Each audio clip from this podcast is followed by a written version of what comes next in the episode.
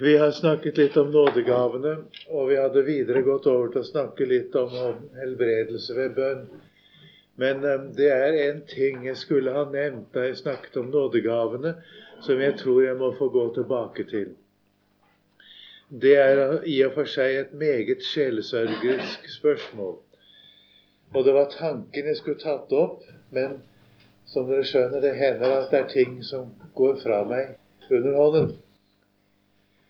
Hvordan kan en kristen bli klar over sin nådegave? Skal en kristen i det hele tatt være klar over sin nådegave? Det blir jo stundom sagt at en kristen ikke skal vite noe om den i det hele tatt. Og det synes jeg stemmer dårlig med Guds ord. Vi skal vite på hvilken plass Herren har satt oss.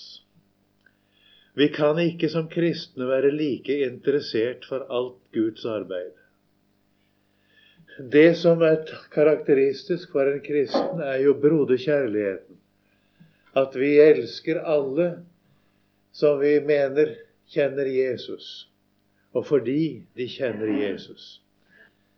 Det har vi da ikke noe å bry med. Vi er da på en ganske særskilt måte knyttet til alle som tror på Jesus. Og når du hører et menneske vitne om frelsen i Jesus, og du forstår at dette mennesket virkelig tror på Jesus, så kan du ikke annet enn føle deg knyttet til vedkommende. Og det ens overfor alle kristne. Der er det ikke spørsmål om hvilket kirkesamfunn eller hvilken kristen organisasjon en annen kristen tilhører når det gjelder broderkjærligheten den fornekter seg ikke. Og det har jeg fått oppleve. Den knytter seg bare til forholdet til Jesus. den. Man kan møte dem som tilhører ens egen organisasjon, som kan ha samme meninger som en selv også for den saks skyld, og som man slett ikke kjenner seg så knyttet til. Fordi av en eller annen grunn så er man ikke så overbevist om deres forhold til Jesus. Mens du kan møte kristne fra helt andre organisasjoner. Ja, fra organisasjoner og institusjoner som læremessig kan stå ganske langt tilbake i forhold til Guds ord. Men du møter kristne mennesker innenfor disse organisasjoner som du er fullt klar over lever et slikt forhold til Jesus at du helt umiddelbart kjenner deg igjen, og du føler deg knyttet til dem. Det fornekter seg ikke. Og denne broderkjærligheten, den har sin egen art og sitt eget vesen. Men ut fra det skal man ikke si, som det av og til blir gjort, at vi som kristne vi skal være like interessert for alt arbeidet i Guds rike. Når en gartner plasserer sine folk utover et gartneri,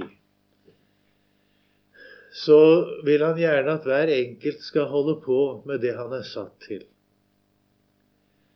Han vil ikke sette pris på at en farer omkring og ser på alt det som de andre gjør, og hjelper til litt her og litt der, og ikke tar vare på det som han selv er satt til. Vi må først og fremst passe den plassen som vi selv har fått. Og sånn er det i Guds rike. Jeg må først og fremst ta vare på den plass som jeg har fått, fordi jeg vet jeg har fått Guds kall til å være der. Jeg har måttet ta vare på min plass her på Fjellhaug og min forkynnergjerning slik som Gud har gitt meg den. Jeg har ikke kunnet gå fra den for å interessere meg for alt mulig annet som kunne være meget gode formål i og for seg, også kristelig sett.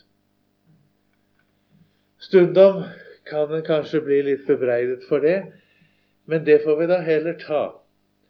Og dere forstår at et godt broderforhold mellom de forskjellige arbeidsgrener og arbeidssteder og de forskjellige kristelige organisasjoner og kirkesamfunnet Guds rike er nettopp betinget av at hver passer sin plass.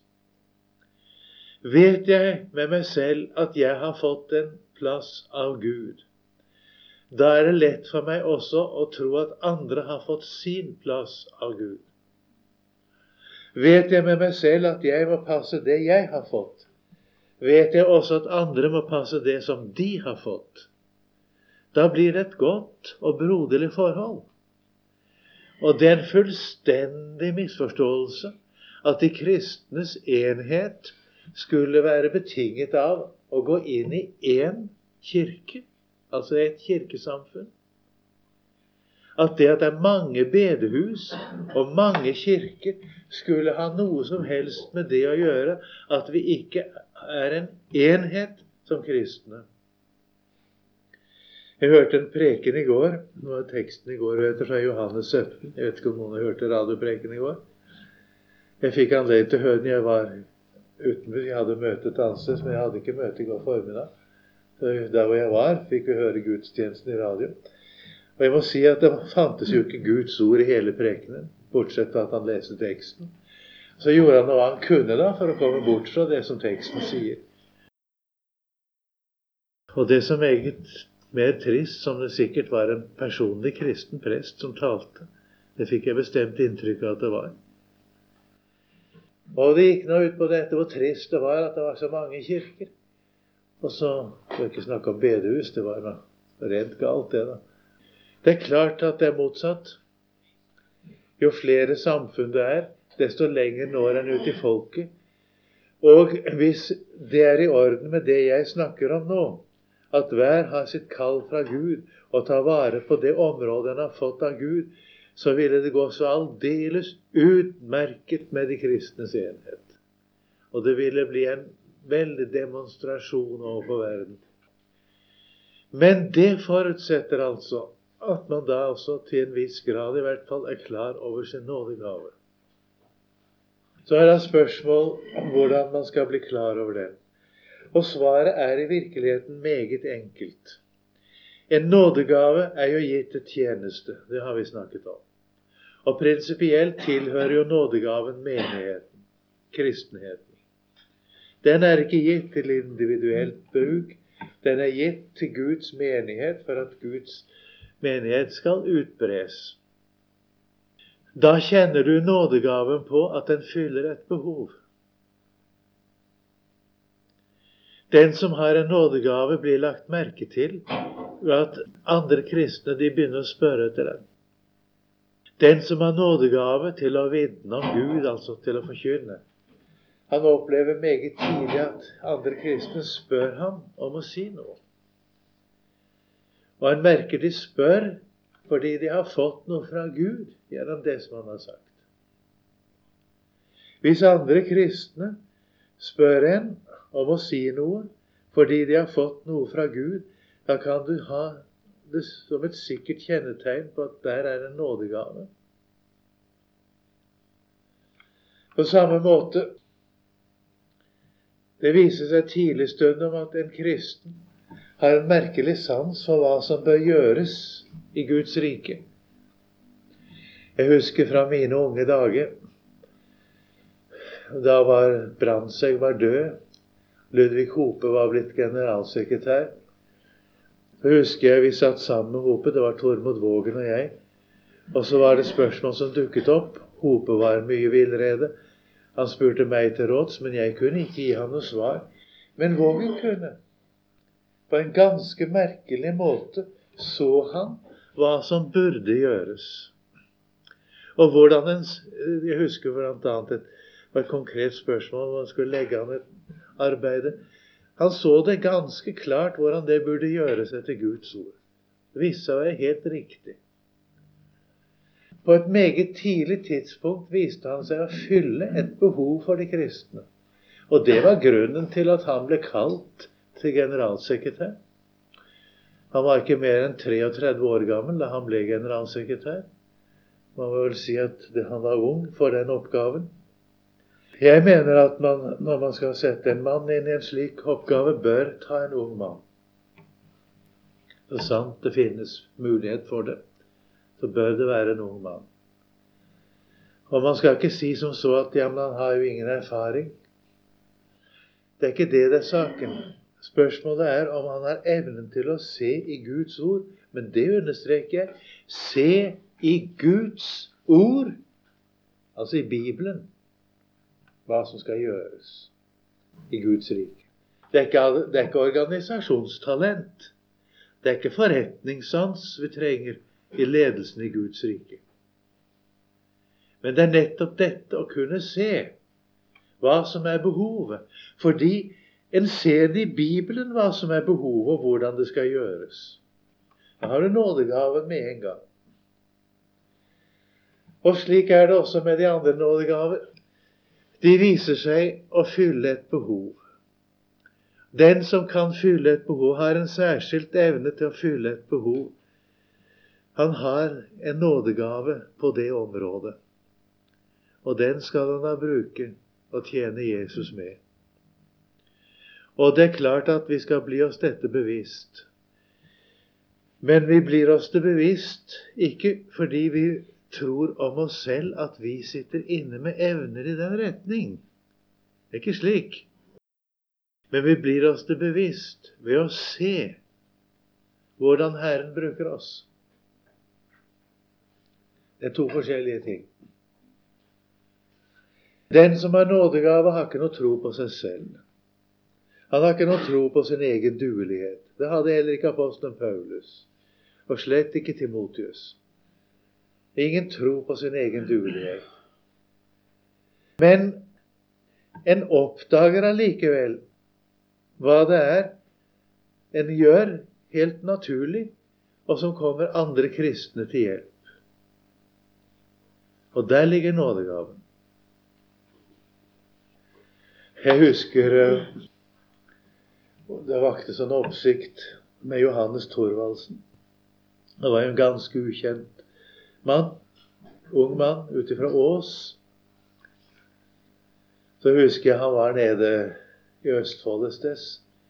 Og så samlet de noen barn da, til noe møte. Jeg vet at De som var til stede der, de glemmer jo aldri det. Det ble snakket om i vide og det brede i lange tider. Var du på det møtet da Johannes Thorvaldsen talte til barna, sa de. Ja, det var vel en opplevelse. Det viste seg altså at han hadde en, en evne, en gudgitt evne, til å tale til barna. Der kjente du nådegaven med en eneste gang. Han fylte i sannhet et behov. Og sånn kunne jeg ta andre konkrete eksempler som kan lede tanken vår på riktig spor. Der du fyller et behov, der er din nådegave. Der det blir spørsmål om deg, og du kommer mennesker til hjelp, både når det gjelder deres frelse, og når det gjelder de kristnes oppbyggelse.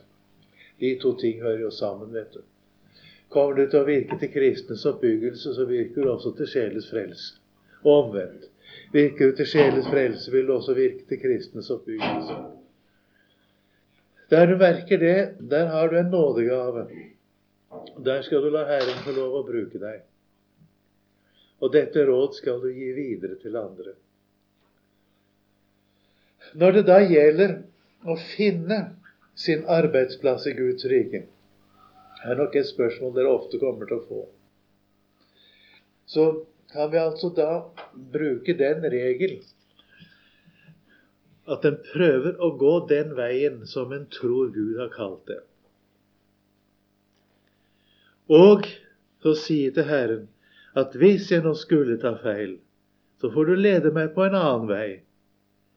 Men nå vil jeg prøve å gå den vei som jeg tror er den riktige.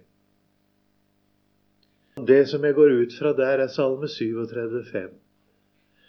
Sett din vei i Herrens hånd og stol på Ham.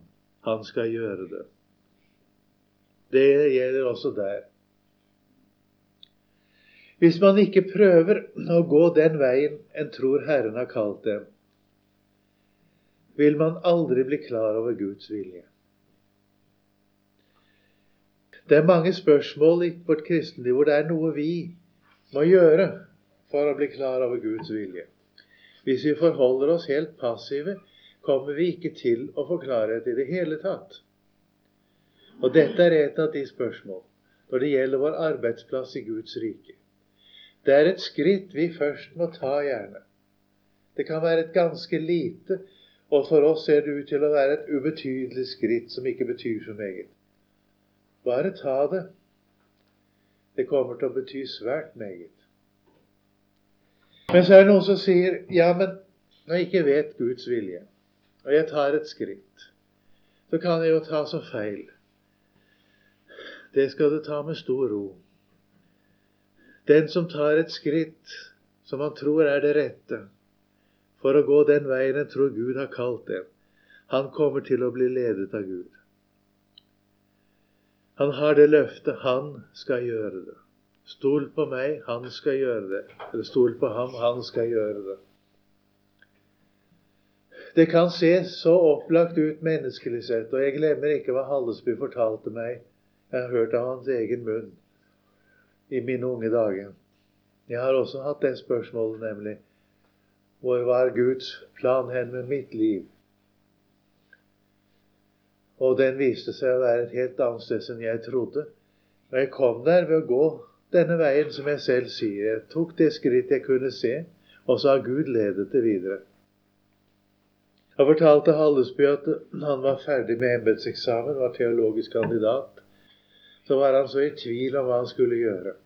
Om han skulle bli prest, eller om han skulle bli, som han også ønsket, bli teologisk vitenskapsmann. Nå hadde han reist omkring og forkynt Guds ord og hatt store vekkelser.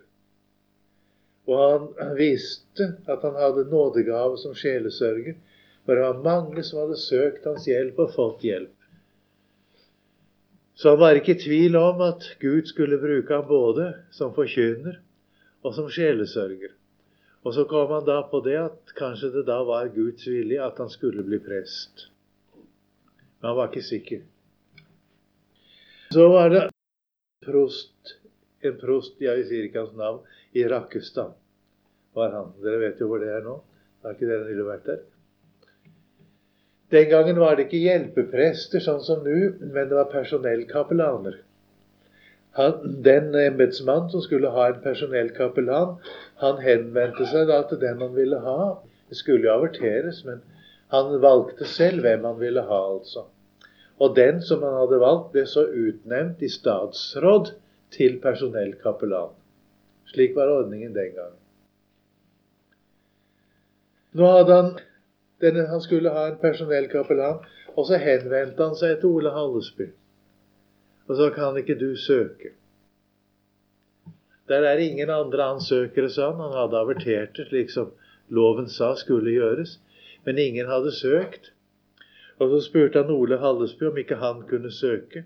Han ville gjerne ha ham. Så spurte Hallesby sin far, en kjent troende mann, det, far til Hallesby. Hva skal jeg gjøre nå? Du skal søke, ansvar. Men det kan jeg da ikke gjøre, sa. Jo, du skal søke. Hvis ikke du søker, kommer du aldri til å få vite Guds vilje i denne sak. Så du må søke. Ja, men når jeg søker, da har jeg jo tatt avgjørelsen, sa Hallesby. Han skal ha personellkapellan. Han ber meg om å søke. Jeg er eneste ansøker, og jeg sier ja. Da har jeg avgjort saken. Jeg kan da ikke gjøre det når jeg ikke er viss på om det er Guds vilje. Du skal svare ja, og så skal du stole på at Vår Herre har klart vanskeligere ting enn dette svarte faren. Ja, ja, så ble det til det. Han sendte sin søknad og svarte ja. Og mente at nå hadde han avgjort sin skjebne. Nå kom han til å bli prest. Men så hendte det noe som Hallesby ikke visste noe om. Etter at denne ansøkningen var kommet inn til prosten, like før han skulle sende det videre til å få det avgjort i statsråd, så kommer en av hans gamle embetsbrødre på besøk. Det var en av hans studiekamerater. Han var prost et annet sted i Norges land. Han kom på besøk til Rakkestad, til sin forhenværende studiekamerat. Og han sier bl.a. at 'jeg hører du skal ha personellkapellan'. Ja, sa han, han skulle jo det. Ja, du har kanskje tenkt på noen bestemt? Ja, jeg har tenkt på den unge Hallesby, sa han. Og han har søkt, og han er forresten eneste ansøker, så jeg anser det at det må bli ham. Nå skal jeg gi deg et godt råd, sa hans embetsbroder. Ha intet med den svermeriske unge mann å gjøre. Sier du det, sa han. Ja, det sier han. Ha intet med den svermeriske unge mann å gjøre. Så ble han litt betenkt av denne prosten. Og så hendte det mot formodning, noe som ingen hadde regnet med, at også en annen teologisk kandidat i siste øyeblikk sendte inn en ansøkning. Og så tok han ham, og ikke Hallesby. Og Hallesby ble ikke prest. Han ble det han ble og skulle være. Han fikk svar fra Gud. Det gikk akkurat som hans far sa, at hvis han søkte, så ville han få visshet om Guds vilje. Så ble han ledet dit Gud ville ha ham. Jeg kan skjønne at når det gjelder en god og nyttig sak i Guds rike, så er det ikke spørsmål om visshet om plasseringen, men om den ånd i oss som vil være der Gud vil ha oss. Har du den ånd, kan ingen hindre deg å komme der Gud skal ha deg. Det er det store med det. Og det er dette vi må legge frem også i sjelesorg overfor dem som spør. Og går noen f.eks. med et kall, eller iallfall de tenker man har jeg kall til å bli misjonær, så vil det som regel være tilfellet at de har et slikt kall. Eller til å bli forkynner. Man tar ikke slike ting. Griper ikke ut av luften. Og spesielt ikke hvis det kommer under store tvil. Og det kommer med dette at 'ja, men kjære, jeg kan da ikke være skikket til det'. Og jeg er sånn dårlig kristen. Hadde jeg enda vært en god kristen, da det kunne vært tale om det. Men jeg som er sånn en dårlig kristen, og som ikke holder mål noe sted Gud kan da ikke kalle meg. Da sier jeg igjen prøv å gå den veien som man tror Gud kaller en, og så overlat hele saken i Herrens hånd. Så kommer det til å gå akkurat slik som Han vil. Og det vil også fremme den nådegave som Gud har gitt dem, å gå denne veien. Det er Bibelens enkle anvisning. Dere har kanskje lagt merke til jeg har liksom understreket det når det gjelder en god og nyttig gjerning i Guds rike. Så kan man altså følge denne veien. Men man skal ikke gjøre det til en slags kristen leveregel at man skal forsøke seg på alt mulig, og så be Gud hindre seg hvis man gjør noe galt. For dere skjønner, det går ikke. Jeg har understreket når det gjelder en god og nyttig gjerning i Guds rike, og man har kalt det den, da kan man gå denne veien. Og det er ingen annen vei å gå. Men man kan ikke begynne å bruke dette som en leveregel at vel, jeg prøver alt, og, og hvis jeg gjør noe galt, så får Herren hindre det.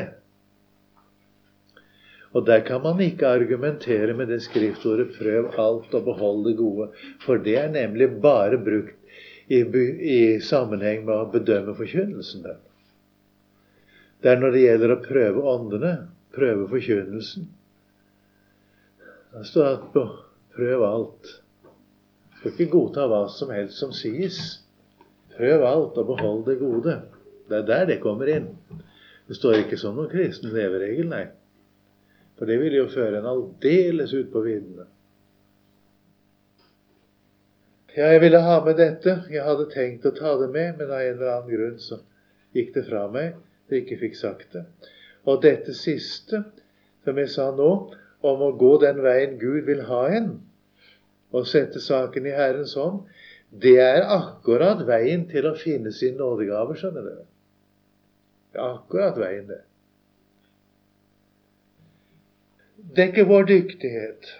Det er ikke vår innsikt. Hvis du tenker på din egen duelighet, så kan du ikke få noe tro på deg selv. Og hvis du tenker på din innsikt, så vil du nå helst bare se mangel på innsikt hos deg selv, hvis det er riktig fatt med deg. Jeg vet ikke mange jeg har møtt, hvis jeg i hele tatt har møtt noe menneske. Jeg tror knapt jeg har møtt noe menneske som har en slik innsikt i Guds ord som Hugo Odeberg. Han sa til meg det at ja, ja, har jeg ikke noe lys, sa han. Ja. ja, jeg forstår ikke noe som helst, sa han til meg. Da sa han selv til meg, altså. Så jeg har ikke det fra noen andre. Jeg var fristet til å le, jeg vet det, jeg sa det, men, men det var ikke sagt på en slik måte at du fikk lyst til å le heller. Men det gjorde et voldsomt inntrykk på meg, for jeg forsto han mente det. Det var hans syn for ham selv, det. Han sa ikke det for å si noe fint og kristelig utmykt, men han sa faktisk det. Fordi han så det sånn med seg selv. Så du skjønner det at en nådegave er så visst ikke betinget av at man ser sin duelighet. Eller at man skulle tro det at man kan noen ting. Eller at man skulle ha noe fortrinn fremfor andre kristne. Eller noe slikt. Nei, Synspunktet er og blir dette ene at man får lov å trots all skrøpelighet. Og til sin egen store undring, altså. Ikke minst det. Få lov å fylle en plass og få være andre til hjelp. Og så er det da, og det nevnte jeg jo da vi snakket om det Det som er målestokken på hvor stor en nådegave er, det er i hvilket omfang man får lov å hjelpe og tjene andre mennesker. Nådegavens størrelse er proporsjonal med den nytte og tjeneste den gjør i Guds menighet og til menneskers frelse.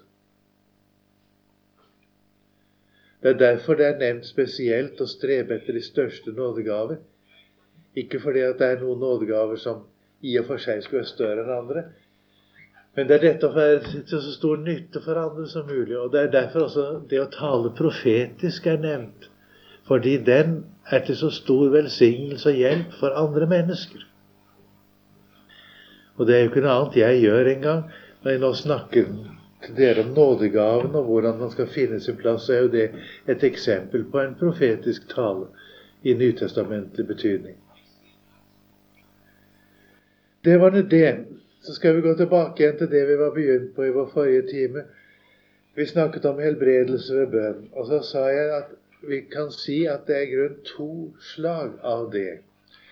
Det er det vi kan karakterisere som en utpreget nådegave til å helbrede.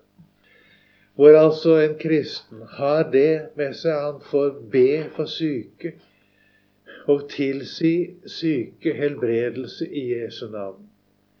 Og nær sagt holdt jeg på å si at alle syke som han kommer i berøring med, blir friske. Og det gjør de vel ikke, bokstavelig talt. Men altså det andre, til forskjell fra det, selv om det er en nøye sammenheng mellom dem også, Det er også en forskjell. Det at man kaller til seg menighetens eldste, og de salver en med olje i Herrens navn og ber for en syk. Det kan alle kristne være med på. Det er riktignok sagt om menighetens eldste, men det betyr ikke de da som er eldst av år, egentlig. Men det betyr de som har ledende stillinger blant de kristne. De som har tillitsverv blant de kristne. En forkynner har jo et slikt tillitsverv. Han må kunne regnes som en eldste i den forstand. En som står som en leder blant de kristne. Han er i ordets bokstavelige forstand, etter Nytestamentets språkbruk, en eldste. Og man skal ikke la noen forakte seg for sin ungdoms skyld, skriver apostelen til Timotius. Timotius var en ung mann i en eldstestilling. Det lå nær for han å tenke at ja, jeg er så ung, osv. La ingen forakte deg for din ungdoms skyld skriver apostelen. Har man fått en plass av Gud, så vær tro på den plassen. Og det hører med da at når en blir bedt om å salve en syk, så skal man ikke si nei til det. Da er det ikke egentlig spørsmål om nådegaven til å helbrede. Det vil jo være svært godt om den som blir bedt, og som er med å salve, har en slik nådegave. Men jeg ser ikke det som noen betingelse etter Guds ord. Jeg ser dette som en rett som alle kristne kan få lov å benytte seg av, og som jeg selv også har benyttet meg av, at man blir bedt for og salvet med olje i Herrens navn. Like som jeg selv har vært med mange ganger på å be for syke. Og de aller fleste tilfeller er det altså blitt friske. Her står det da at det ikke er salvingen som hjelper den syke. Herren, det er troens bønn som skal hjelpe den syke. Og Herren skal reise ham opp, står det. Troens bønn, det vil ikke si en bønn i tro på vår tro, da, forstår dere. Troens bønn, det er en bønn i tro på Guds løfter. Når det kalles troens bønn, er det for å markere at det er tilliten til at Gud har bedt oss om å be, som er det avgjørende. Og at den gjør bruk av den guddommelige fullmakt som ligger i Jesu navn. Det er troens bønn. Det kalles også en bønn etter Guds vilje i Johannes første brev, kapittel 5 og vers 14-15 er det vel? Vi vet at dersom vi ber om noe etter Hans vilje, da hører Han oss. Det står nøyaktig slik, forresten. Dette er den frimodige tillit som vi har til Ham. Et godt uttrykk. Dette er den frimodige tillit som vi har til Ham. At dersom vi ber om noe etter Hans vilje, da hører Han oss. Og dersom vi vet at Han hører oss, hva vi så ber om, da vet vi at vi har de ting vi har bedt ham om. Det er mange som spør ja, hva er det å be etter Guds vilje, og så tenker de på hvilke ting da som skulle være etter Guds vilje, og hvilke ting som ikke er etter Guds vilje. Men du ser av sammenhengen at vi kan jo få be om alt mulig. Hva vi så ber om, står det. Det er, ikke det er ikke de ting du ber om, som er avgjørende om du ber etter Guds vilje eller ikke. Men det det navnet du ber i. Å be etter Guds vilje betyr her egentlig å be i overensstemmelse med Guds evige rådslutning. Guds vilje står her for Guds rådslutning. Og Gud har i sin rådslutning bestemt å gi oss sin egen sønn. Og i og med at han har gitt oss sin egen sønn, har han gitt oss dette navn, Jesu navn, som gjelder for oss i himmelen. Og å be etter Guds vilje betyr å gjøre bruk av det navnet i vår bønn. Uansett hva vi ber. Du kan be om hva som helst som du har bruk for. Hva som helst som er et virkelig behov, kan du be om. Og du kan være med og be om det for andre. Og vi kan be om andre menneskers helbredelse i Jesu navn. Det er troens bønn. Å benytte seg av en rett som Gud har gitt. Og så skal Herren reise ham opp. Når en blir bedt om å salve en syk, er det nødvendig å få dette frem. Det kan hende at sykdommen er slik at vedkommende er så syk at en ikke kan snakke stort med vedkommende. Da må en bare handle og be. Men eh, i de fleste tilfeller kan en snakke med den syke. Og det er særlig én ting det gjelder da. At den syke ikke skal hefte seg opp i selve salvingen. At en ikke skal tro på salvingen istedenfor på Jesus, hvis du skjønner hva jeg mener med det. Det er så mange som er så innstilt på at nå skal det skje noe i denne salvingen. At de setter ikke sin lit til Jesus, men de setter sin lit til det at de blir salvet. Det går ikke, altså. Dette må vi prøve å gjøre klart for dem. Salvingen er en symbolsk handling. Salvingen er ikke et sakrament. Her er ikke noe sakrament, her er ikke noe nådemiddel. Her er det en symbolsk handling, altså. Dette er ikke innstiftet av Herren som et, et nådemiddel. Men det er en fremgangsmåte som en får lov å bruke. Og det kan hende de første kristne la noe annet i det enn vi. De simpelthen så på det som et slags legemiddel, det med salningen. Men vi ser nå på det som en symbolsk handling, og kan ikke se det på noen annen måte. Og det som har betydning, er at gjennom denne handlingen overgis sykdommen til Jesus. Vi påkaller Guds løfter om helbredelse for den syke i Jesu navn.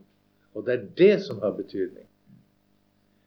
Og det kan vi bekrefte med denne salvingen at vi gjør. Det er ingenting i veien for å be for syke også uten denne salvingen. Men siden det ord står slik i Jakobs brev, så kan det være naturlig å gjøre det akkurat på den måten. Da foregår det slik at man tar noen dråper olje, og da bruker jeg gjerne olivenolje, for det var jo det de brukte den gangen også. Altså en matolje, heter det. På apoteket selges den under navnet matolje. Det er olivenolje. Jeg har et par dråper i hånden og legger da hånden på hodet til den syke og sier, 'Jeg salver deg i Jesu Kristi navn'. Ganske enkelt slik, sier man.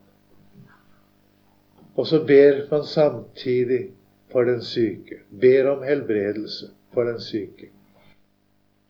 Og Overgir denne sykdommen til Jesus. Jeg har jo sett at helbredelsen er skjedd i samme sekund. Det har jeg sett, som jeg har nevnt for dere før. Og jeg har sett at sykdommen har vendt seg. Fra den stund denne personen ble salvet, så ble det en bedring, som vi sier, gikk for seg på en hva vi ville kalle en naturlig måte. Men det er Herren som helbreder, i alle fall. Et menneske blir ikke frisk hvis ikke Herren gjør en frisk. Og så hender det jo at en ikke blir frisk. Men da får en en stor velsignelse i alle fall. Ja, det var bare en ting i forbindelse med det vi snakket om å salve syke. Jeg nevnte at det hender de blir friske med en gang. Og det hender at sykdommen vender seg. Og det hender at de ikke blir friske, men får en stor velsignelse så har det hendt, og var det jeg ville føye til, kan bli bedt om å be for verdslige mennesker. Da er det dem som mener at det kan være vanskelig å gjøre det. Men jeg har ikke frimodighet til å si nei, selv om det vel må sies som ordet i Jakobs brev at det direkte angår kristne mennesker. Det er jo troende mennesker som det er spørsmål om, skal kalle til seg menighetens eldste. Og det blir jo en tillempning av dette ordet hvis det dreier seg om verdslige mennesker. Men det hender det det at troende mennesker ber oss om å be for verdslige mennesker som er syke. Og der har jeg et ganske merkelig tilfelle som jeg tror jeg vil nevne for dere. Det var i Stavanger under krigen. Vi ble bedt om av noen kristne å komme til en av deres slektninger som tydeligvis lå for døden. Det var en kvinne i barselsfeber. Hun var meget alvorlig syk.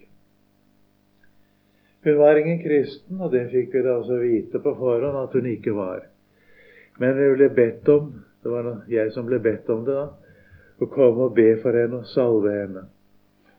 Og jeg hadde ikke frimodighet til å svare nei på det. Så ba jeg en av våre forkynnere der borte i Stavanger om å være med meg. Og så gikk vi to bort, og vi ba til Gud for henne, og vi salvet henne med olje i Herrens navn. Og så langt vi kunne se, skjedde det ikke noe som helst. Og vi gikk jo igjen, da. Så noen timer senere, samme dag, så kom vedkommende som hadde bedt meg om å gjøre dette, kom inn til meg og fortalte at nå var vedkommende som vi hadde bedt til Gud for å salve, hun var nå død. Men, sa hun, like efter dere var gått, så begynner hun plutselig å vitne og si nå er jeg frelst. Nå har jeg møtt Jesus. Jeg har virkelig fått se frelsen. Det ble altså resultatet av salningen i det tilfellet. Og da var det et Guds ord som kom for meg. Det står bl.a. i Matteus 9, men det står også parallelle steder. Da Jesus så deres tro, sa han til en verkbrudne, Vær frimodig, sønn, dine synder er deg forlatt. Og der sier altså Skriften uttrykkelig at det sa Jesus på deres tro som bar den syke til Jesus. Den syke selv hadde ikke den troen da. Han fikk den jo i og med at Jesus tilsa ham syndenes forlatelse. Og jeg tror bokstavelig talt det var det som skjedde. Her var det vel først og fremst det troende slektningenes tro som ba oss om å gå og salve den syke. Og så at vi òg gjorde det i tillit til Jesus.